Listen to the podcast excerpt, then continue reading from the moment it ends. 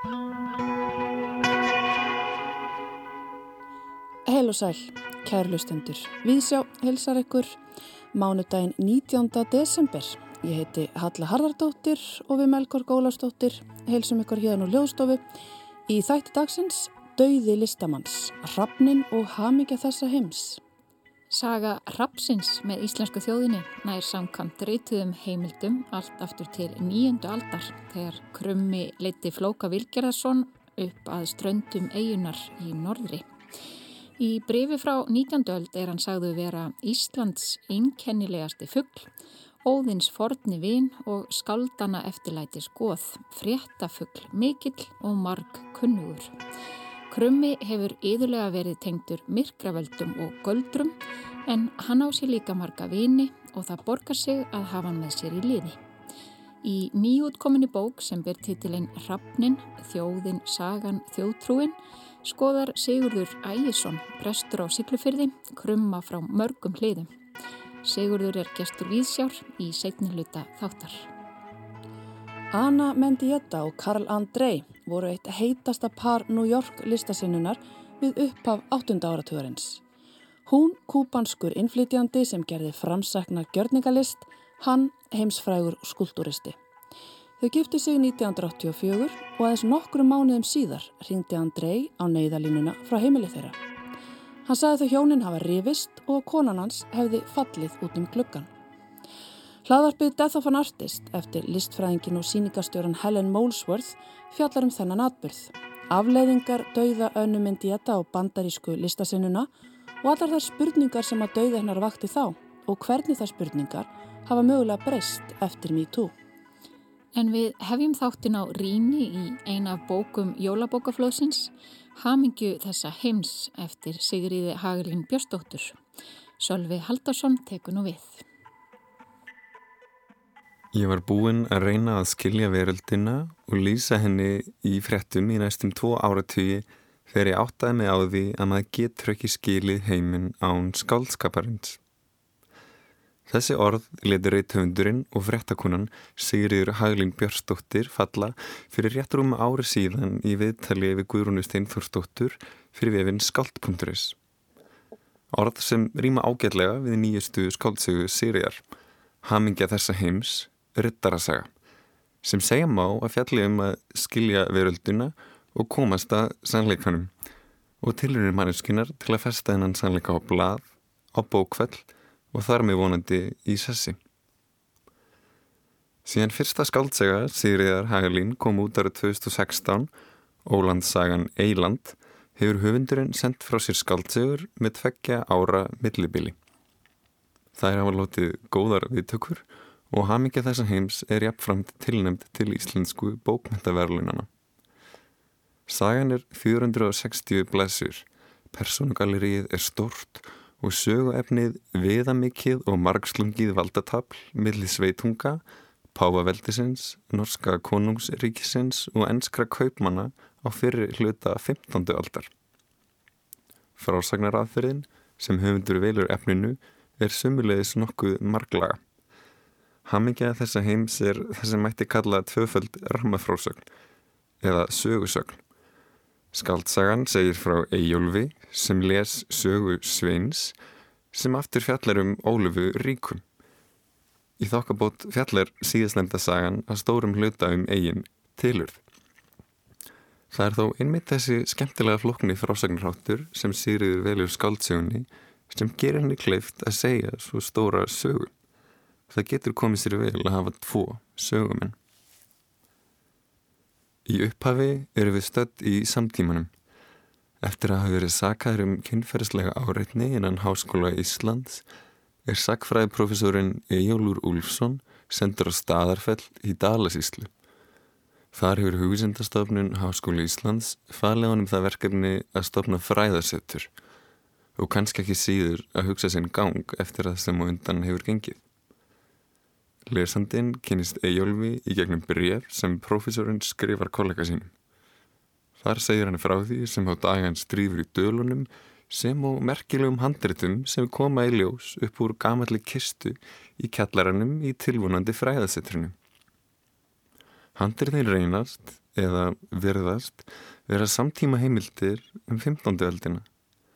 Tímabil í Íslandsögunni sem lítið heimildum hafa varðist um. Ejjólfur hefst handa við að skrifa þau upp og sendir sömulegis afrið á kollega sinn. Þessi gömlu handrit mynda megin parta skáldsögunar sem skiptist í þrjá hluta eða þrjár kistur sem Ejjólfur lesi sjálfur í gegnum. Blöðin sem koma þaðan upp úr gema vitnisspurð Sveins Þórðarssonar, eins konar endurminningar frá kynnum hans af Ólöfu Ríku, valdameslu höfðingi Íslands á 15. öld. Sú frásögn er svo flegu með hefðbundnum annálum frá sögutímanum svo og stuttum milliköplum frá sveini þar sem hann greinir frá hugum sínum við reytunartíman. En á meðan hann festir að atbyrðina frá upphafi aldarinnar og bókfell stendur styr um svein sem þarf að þóla óbeldi og ágang frá fólki sem stendur ekki á sama um hvernig og hvaða saga ratar blað. Frásögnin á blöðum sveins er nokkuð þáttakent Hún tegir sig yfir 30 ár og yfirleitti fari hratt yfir sögu. Í sjálfsögðum sagna stíl eru nýjar personur kynntar til sögunar jamt og þétt í gegnum alla frásögnina og þráttur að Sveitn leggja upp með að skrifa sögu Ólafar Ríku verður vitninsbyrður hans að afar breyðri frásögn sem rekkur sér niður nokkrar kynsluður. Upp úr kistinu koma sem fyrir segir ímiskonar tekstar og í skáldsögunni ægir saman ólíkum tekstategundum. Þannig fara lesandinn stundum að heyra um sömu atbyrði með mismunandi hætti. Í þurrum og stuttorðum annálum, formlegum sendibrefum, tímarits, greinum, ljóðum og lausamáli. Höfundur nýttir líka millikabla skrifar hann að tvekja, Eyjólfs og Sveins, til að halda lesandunum á floti sem er vel því það gengur heilmikið á og best að fara sér temmilega hægt við lesturinn. Auk þess er aftast í bókinni fimm síðan að nafnaskrá á samt tveimur myndarlegum ættartrjám sem ég hefði ekki viljað vera án. Í milliköplunum lætur höfundur líka sögupersonur gerðan rengja sannleikskildi tekstans. Ejjálfur velti fyrir sér hvort handritin séum raun og sanni frá 15. öld og sveittar að þóla átölur frá sjálfur Ólfur Ríku og ábeldi fyrir öðrum á meðan hann reytar söguna. Þannig er lesandin sífælt myndur á sveikvöld eðli frásagnir hannar hvernig hver saga er í æðlisinu hlutræg og getur aldrei miðlaði veruleikanum þess að hagraða sannleikanum að ykkur leiti. Á saman tíma hafa sögurnar sem við segjum, heyrum, lesum og skrifum ótveiratt vald yfir veruleikaskilning manniskunar, hvernig við minnumst annara og hvernig okkar verður minnst. Þessar hlýðar tekstans glæða sögurnar úr kistunni lífi og skora á lesendan að setja sig í sömu gaggrinu stellingar gagvar tekstanum og sögupersonunar gera sjálfur. Í köplunum frá 15. öld brúar Sigriður bylið milli aldana með fornu og oft framandi orðfæri en nútímanlegri huglegum frásagnrætti. Eins og í fyrir skáldsum sínum er Sigriður jafn víg á húmor og eldheita dramatík úrverður lifandi og oft stór skemmtilegur texti þó lesandi geti ekki tekið hann jafn trúanlegan sem 15. aldar texta og Eyjálfur verið skera. Með Eyjálfi tekst Sigriði að skapa mjög sannfærandi, íhald saman og oft hræðilega viðkunnulegan dónakall. Í sögunni vinnur höfundur á mörgum stöðum á spennandi hátt með slaufun og karlpunkaleg viðforf Eyjálfs og ymsum hliðstæðum hvað þau varðar er stilt upp millir tímasveðan að tvekja. Ég hefði þó viljað sjá unni aðeins meira með þess að siðferðis klípu Eyjóls í setni hlutunum vegna þess hvað fyrirferðan mikil hún er í sögunni hvortið er. Í blálokkin verða nokkuð óvandar sviftingar í sögunni sem eftir á hekja reynast þó alls ekki úr lauslofti greifnar. Að samanskapið þóttum mér sögulokkin dinja ansi hratt yfir með því allt sem á undan hafi gengið. En eins og hefði kannski átt að vera ljóst strax á efnisefilitunni í byrjun munu þrjár kistur döga sveini skamt til að segja sína sögu eins og hann langar til að segja hana. Sölvi Haldarsson rýndi hér í hamingju þessa heims eftir Sigriði Hagalín Björstóttur. En þá tekur Halla við.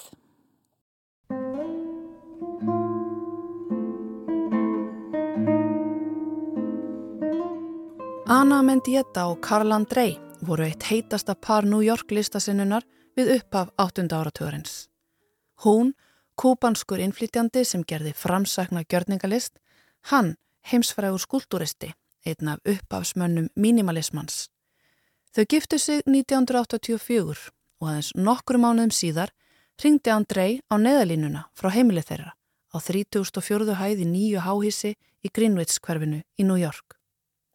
Hann sagði þau hjónin hafa rivist og að konan hans hefði farið út um gluggan.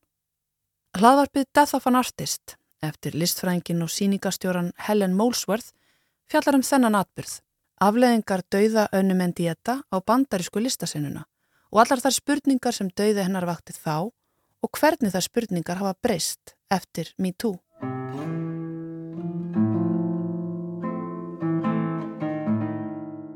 Anna Mendieta var fætt í Havana á Kúbu 1948 en flutti til Bandaríkjana þegar hún var unglingur. Hún hjælt sína fyrstu engasýningu árið 1971 þá er meistarnámi í háskóla í Æjóva. Sjálf líst hún verkum sínum sem Earth Body Art þar sem að líkaminn var hennar helsti efniviður og oft í samtali við landslag. Mendieta skrásetti gjörninga sína með ljósmyndum. Í einum þeirra er hún þakin leir og samvaksinn tre Í öðrum hefur hún nakin, hálf grafið sig ofin í jörðina, skreitt sem er gróðri, steinum, mold og laufum. Hún notaði oft fjarlaga rætur sínar, alþýðlist og trúabröð sem efni við.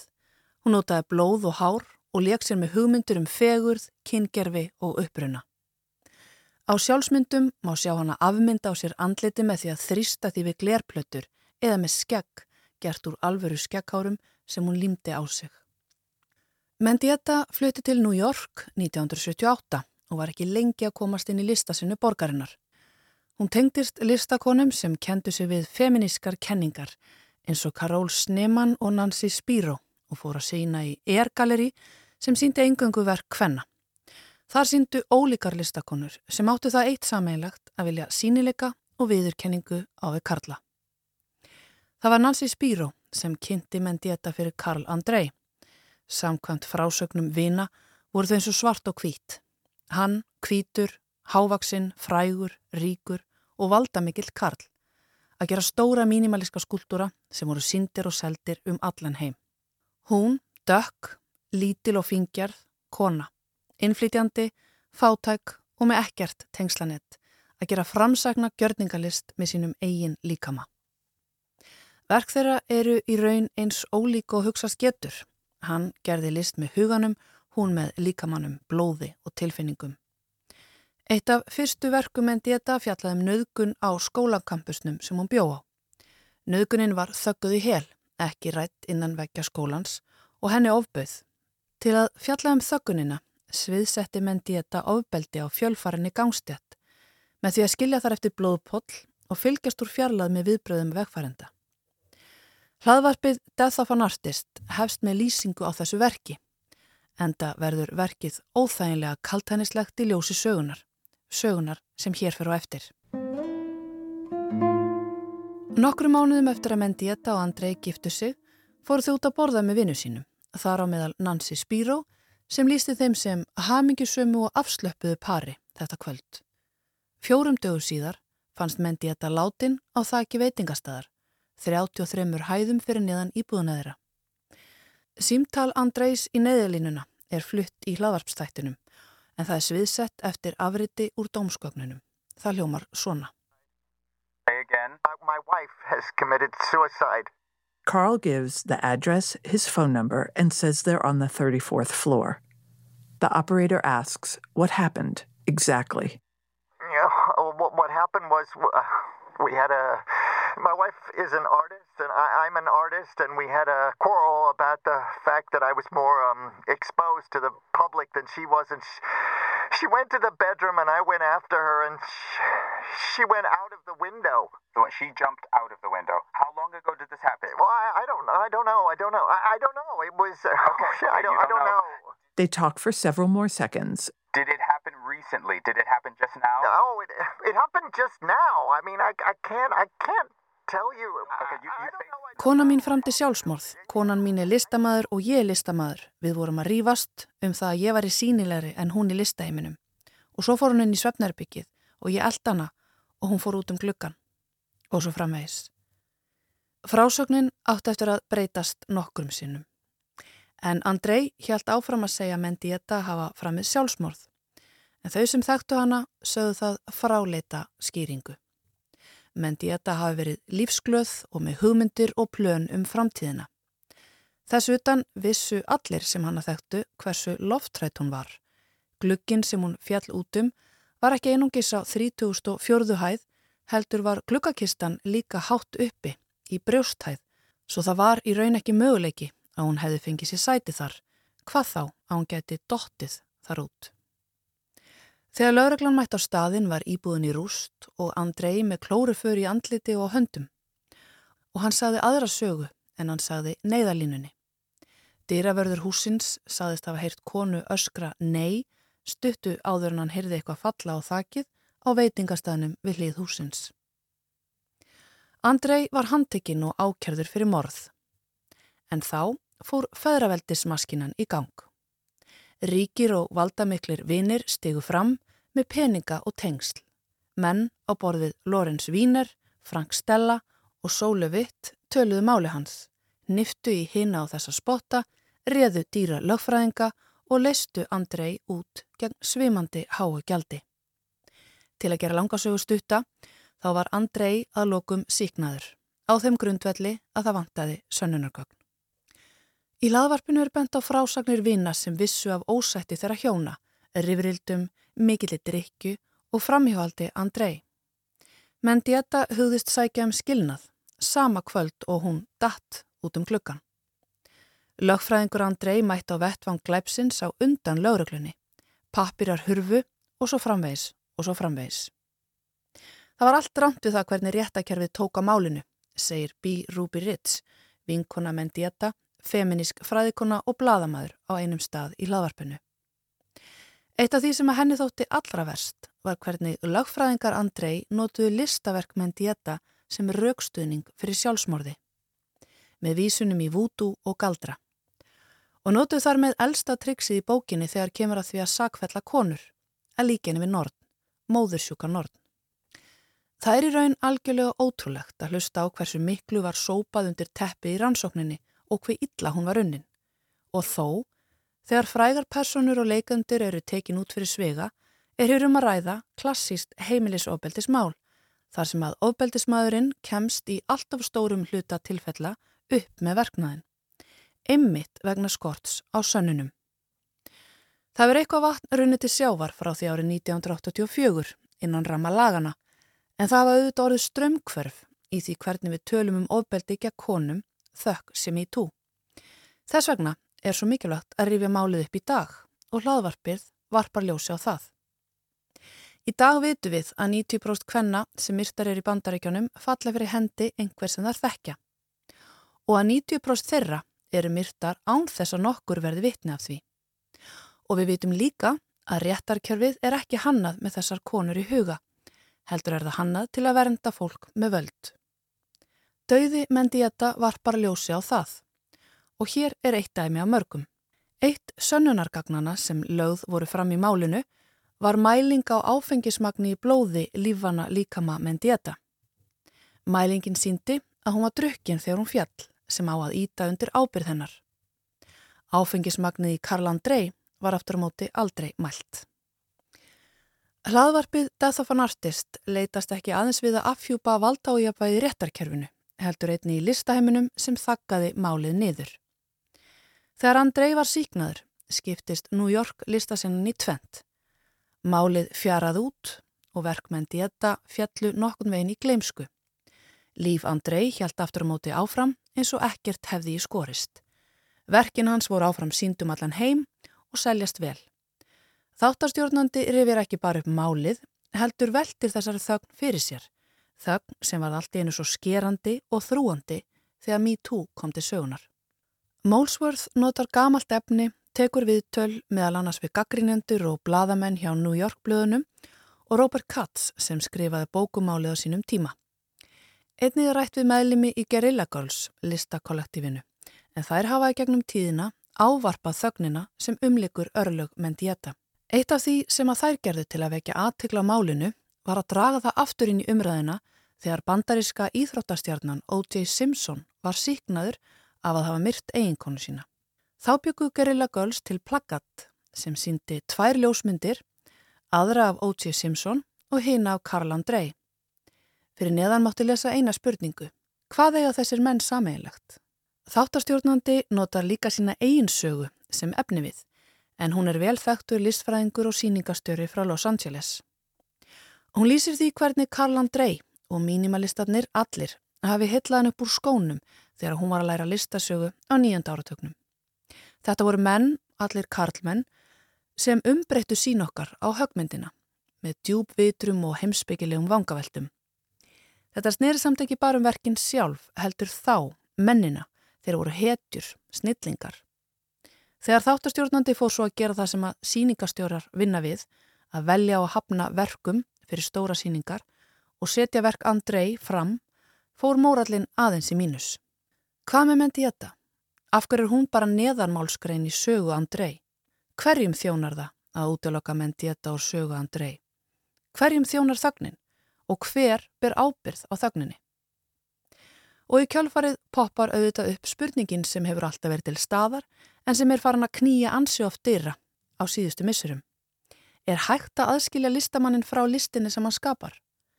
Í tilfelli þáttastjórnanda, sem hefur alltaf verið hillu að verkum Andrei og Mendieta, er spurningi þessi. Er hægt að elska verk þeirra begja? Laðarpserían hefst eins og fyrir sáði á verki Mendieta sem sviðsetur ofbeldi út á götu með blóðpolli á fjölfarinni gangstétt. Serían enda á því að þáttastjórnandi heimsækir bygginguna þar sem að Mendieta ljast, þar sem Andrei býr ennþanda í dag. Hún hefur reynd án árangursan á sambandi við hann og gerir lokatilrun hjá húsverðinum. Það tekst ekki. Henni verður óhjákamilega hugsað til blóðpolsins í verki Mendieta sem vegfærandur sáu ekki eða þóttust ekki sjá. Í þetta sinn ætlar hún ekki að líta undan. Og hvað? Er hægt að aðskilja listamannin listinni sem hann skapar? Það lítur að fara eftir hver horfir. Þögnin lítur að útiloka fullan skilningaðu upplifun og það lítur að vera ábyrðahluti þeirra sem umgangast listaverk, starfa í þáu þeirra og fjalla um þau að samikið hlutana sé ekki sett í ósynilega neðamálskrein. Þannig geta þau sem að njóta og neyta lista tekið upplýsta afstöðu. Ég veit fyrir mitt leiti að næst þegar ég sé verk eftir Karl Andrei sem að mér hafa alltaf þótt spennandi, fögur, djúbvitur og heillandi, þá munu áhrif þeirra verða önnur en áður. Ég efast um að ég fara á heimsbyggilegt flug með verkinu. Ég ímynda mér að hugurinn leiti frekar til önnu menn dieta sem var nýfarin á spennandi slóður í listinni þegar hún ljast.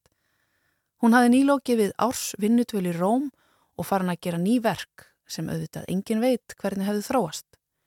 Og hún upplisti vinkonu sína stutt eftir heimkomuna til New York um að nú myndi hún hætta að drekka á reykja þar sem að konur fengi svo seint viðurkenningu í listheiminum yrðun að halda helsu til að lifa það að verða loks viðukent í ellinni.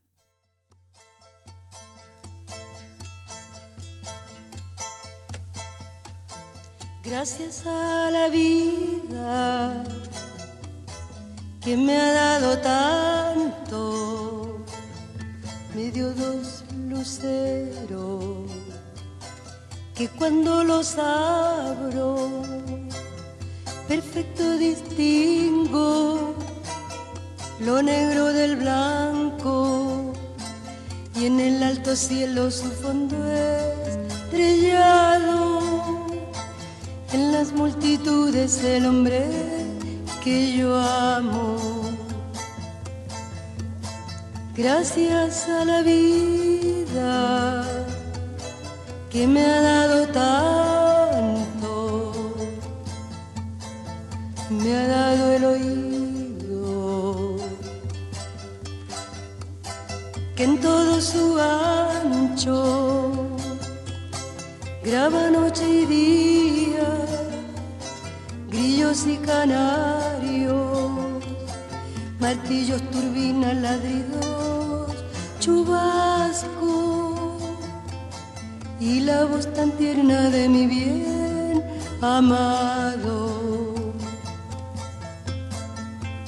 Gracias a la vida que me ha dado tanto, me ha dado el sonido el abecedario con él las palabras que pienso y declaro, Padre, amigo, hermano, y luz alumbrando la ruta del alma del que estoy amando. Gracias a la vida que me ha dado tanto, me ha dado la marcha de mis pies cansados, con ellos anduve ciudades y charcos playas y desierto, montañas y llano. La casa tuya, tu calle y tu patio. Gracias a la vida que me ha dado tanto, me dio el corazón su marco cuando miro el del cerebro humano, cuando miro el bueno tan lejos del malo, cuando miro el fondo de tus ojos claros. Gracias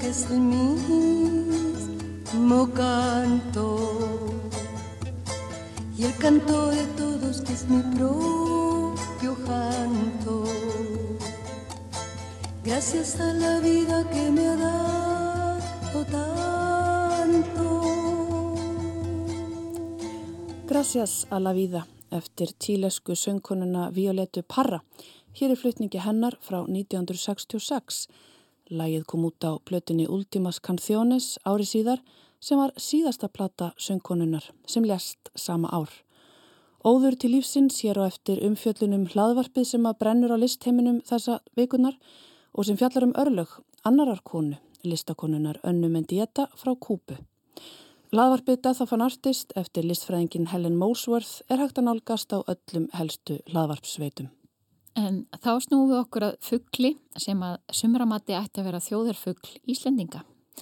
Á haustugum kom út vegleg bókum Rappnin og höfundur hennar, Sigurður Ægjesson, prestur á Siglufyrði, gerði sér ferð í höfustæðin til þess að segja okkur frá henni. Við hefjum umfjöllununa á einu af fjölmörgum ljóðum sem príða bókina og fjallaðum krumma, ljóð sem ber titilinn Talað við Rappn og er eftir Kristján frá Djúbalæk. Guðni Tómasson les.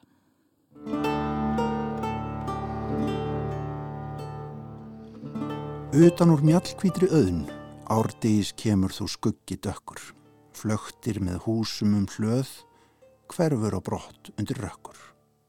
Nákominn mönnum, alla þó einhver stilur, engin í hug þér veit eða söng þinn skilur. Óta þú vaktir hjátrúar fullum heimi, hvar sem dauði fór yfir varst þú á sveimi. Hvort er þú holdtekin vá eða varnar bóði, vannmáttur guðs eða styrkur? Hvort er þú svartur fuggl eða fljúandi myrkur?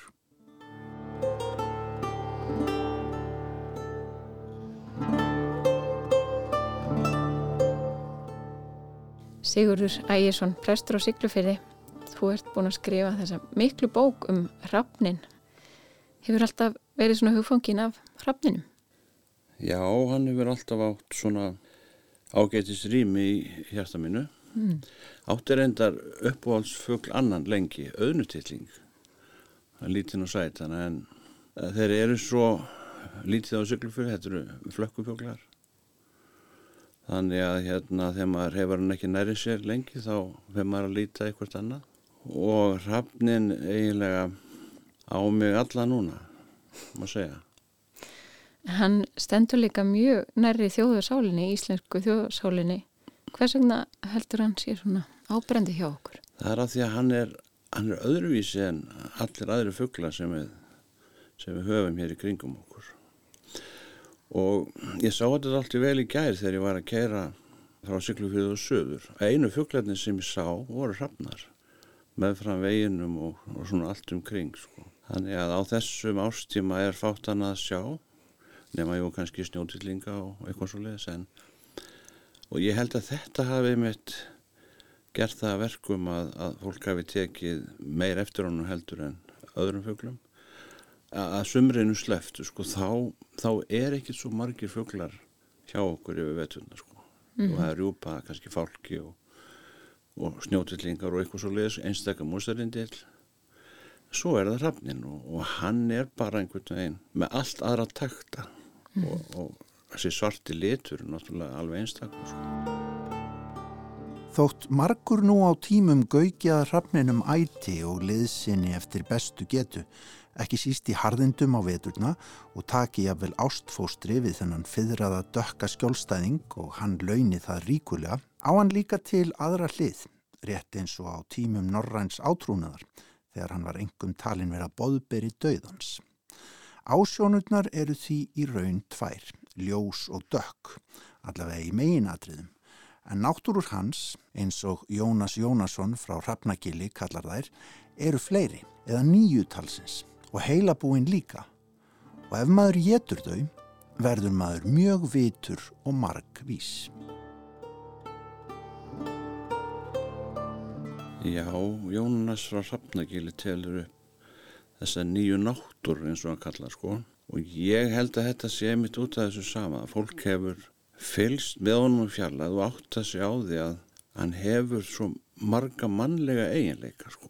Mm -hmm. Hann er náttúrulega hann er þjófóttur og, og hann það lítið svepp og um, hann getur verið gladur, hann getur verið reyður og uh, þetta er eiginlega svona speilmynd okkar, okkar sjálfur. Mm -hmm. það er þannig. Fólk hefur átt að sjá þess og að hann væri öðruvísi en, en allir aðrir.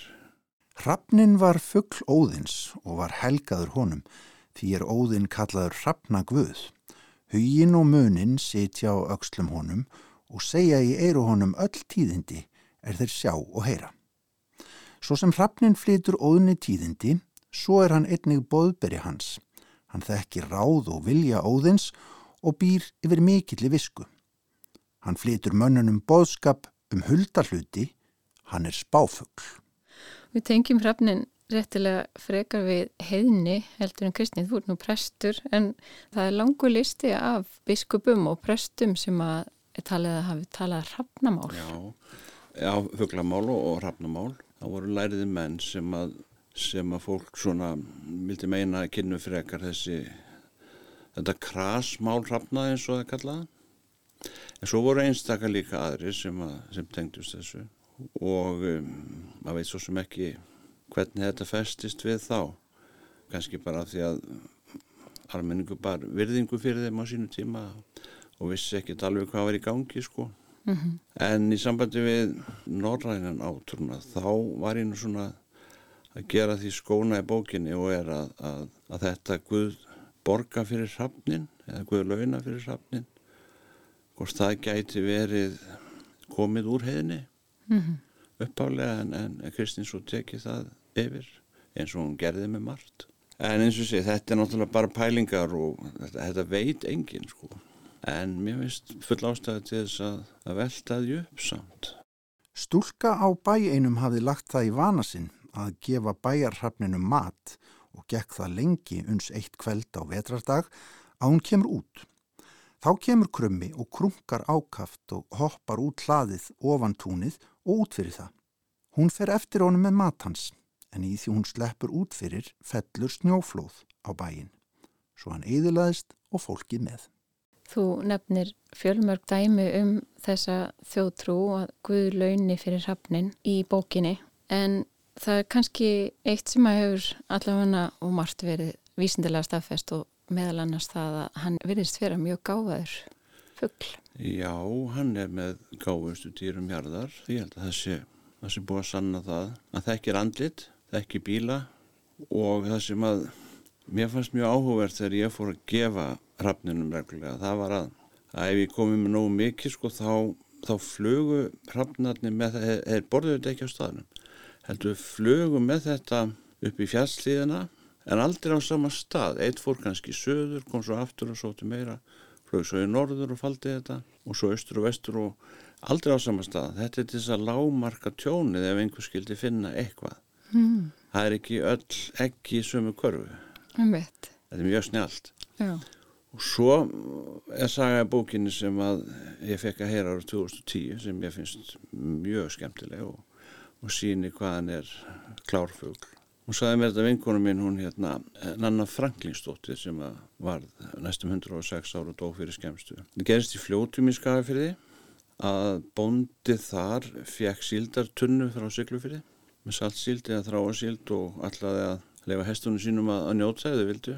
Kominni fyrir út á túnni en, en hann sá aldrei neina hesta við tunnuna.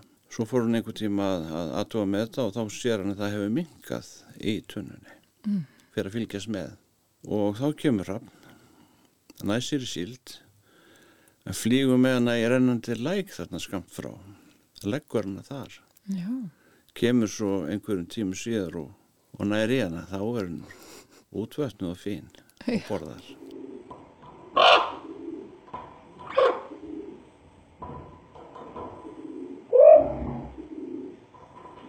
ég vil meina að norrænum menn hafi átt að sjá því snemma að fyrstulega væri hægt að temja rafnin og svo hitt að hann er svo góð eftirherma. Og maður heyrir bara ef maður fer á YouTube og, og, og, og skrifar hvort sem er á íslensku, ennsku talandi rafni eða eitthvað og að þá fær maður að heyra bara hversu vel þeir spekla mannsvöldina þetta er alveg ótrúlegt. Hvað sér það? Hanna! Já Hanna Já, Krummi Hvað er það? Hvað er það, Krummi? Hanna Já. Hanna Já. Hanna Nó, er það reyndi? maður held alltaf að páagaukar væru, væru bestir í þessu en, en ég held að það sé engin betur en hrafnin og ég held að menn hafi komist að þessu og, og einhvern veginn hafi það bara eksla stað að hérna, þetta tengdist bara óðinni einum sko og að það er svo stutt í að búa til þá sögu að, að þeir sé að segja húnu frétti þegar þeir tala mannamál Mm -hmm. Og þá voru ímsa kenningar um hvernig þú gast komist yfir þennan eiginleika að geta talað hrefnamál. Já, það er í þjóðsögum svona ímis ráð sko. Sum ekki falli, það þurft að ná í hrafsunga og, og, og drepa það og, og gera allskins hundakunstir. Mm -hmm. Og eflust hefur fólk prófað það, en mér finnst sko þegar maður lítur tilbaka að við megum eiginlega ekki setja reglustyku eða mælistyku nútímans á fyrirtíð, það er eiginlega ekki hægt. Því að það var allt önnur hugsun í gangi og, og fólk í raun og veru gerði bara allt til að bjarga sér. Mm. og ef að, ef að spurðist út að, að þarna mætti græða eitthvað með því að gera þetta svona þá hefur bara fólk prófað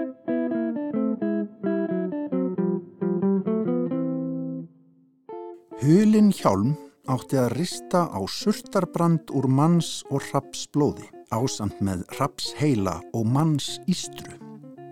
Og allt þurfti að gerast eftir kunstarina reglum. Blanda skal saman nýju drópum af mannsblóði, þannig, þrem drópum úr vísifingri á vinstri hendi, þrem úr græðifingri á hægri hendi, tveim úr hægri gerfurtunni og einum úr þeirri vinstri. Þessu næst skal taka lifandi hrapp og stinga hann í hjartað og láta renna sex blóðdrópa saman við mannsblóðið. Síðan skal bræða saman heilan úr hrafninum og manns ístru og blanda því saman við blóðið. Síðan skal rista stafinn með segulstáli á surtar brand. Seguljárnið verður áður að hafa verið þrísvar hert í mannsblóði og mun þá stafurinn geta hulið þig þegar þú vilt.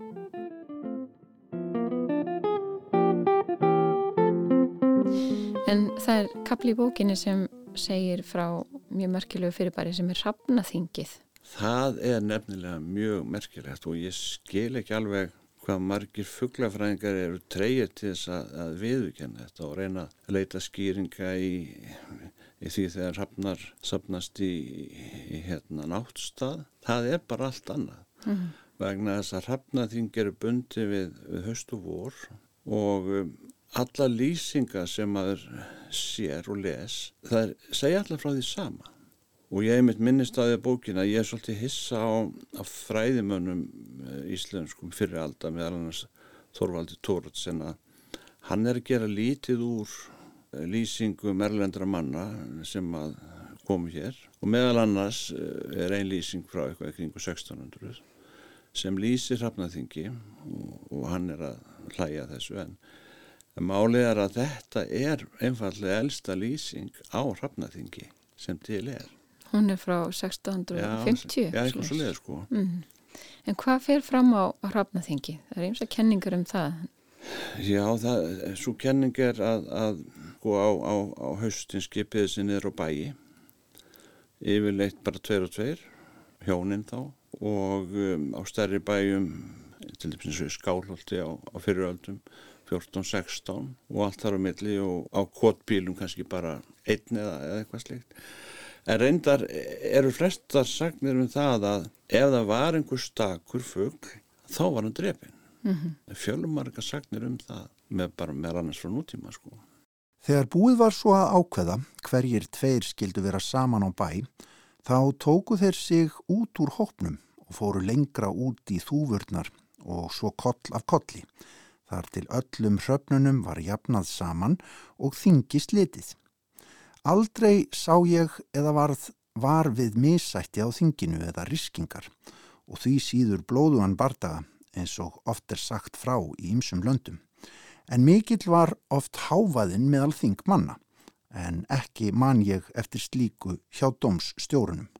Þó það sé satt sem menn hafa haldið að rafnarnir að afloknu þingi drepi þann rafnin sem afgangs er, stakur niður jöfnunina, þá er hitt einum vafa bundið að þeir gera mörgu mannaþingi skömm til með viturlegri og kurteislegri framkomu.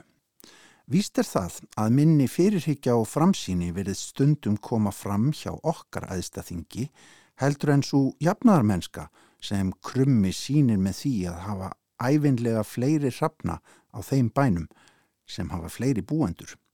Og skinnsemi er það að vita hver margir búa á hverri jörð og hafa þó aldrei gengið í neitt skóla auk heldur háskóla. Það hjálpar krumma líka áfram í lífinu að hann hefur sjálfsagt ætíð haft eina og sömu stjórnmálaskoðun og stránga reglur til að breyta eftir í sínum stjórnmálum.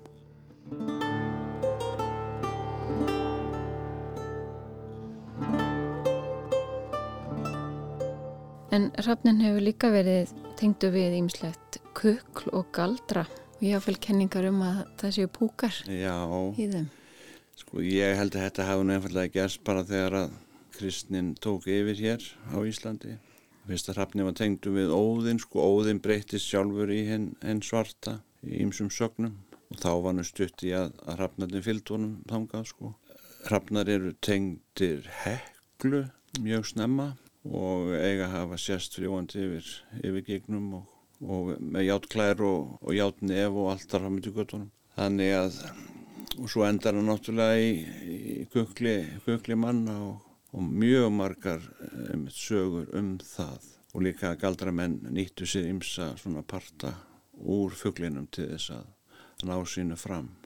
Hann er svo margt hann krummi sko og ég var einmitt að hugsa um það þegar ég var, var á leiðhinga að það er enn sprell lifandi þessi trú að ef hann sest upp á kirkju kross eða flýgur yfir eitthvað að þá rekkur fólk við. Það er bara þannig. Þú átt nú þína einn sögu af, af Já, slíku tilviki. á eina sögu af hrafni sem að settist upp á törd siglufæri kirkju og létt öllum millulátum og, og svo mjög að bæjarbúða bara tóka eftir þessu og það var skýrt þarna litlu síðar hjá mér og, og drengurinn var látin heita hrafna millinafni. Og svo gerist það bara ekkert löngu síðar að, að miklir grjót hnullunga sem er utanum krossin eða, eða annar þeirra hann, hann bara springur, dettur niður.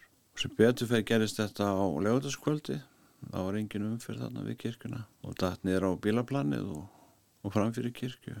Þannig að mað, maður getur ekki neyta þessu. Það er eiginlega þannig.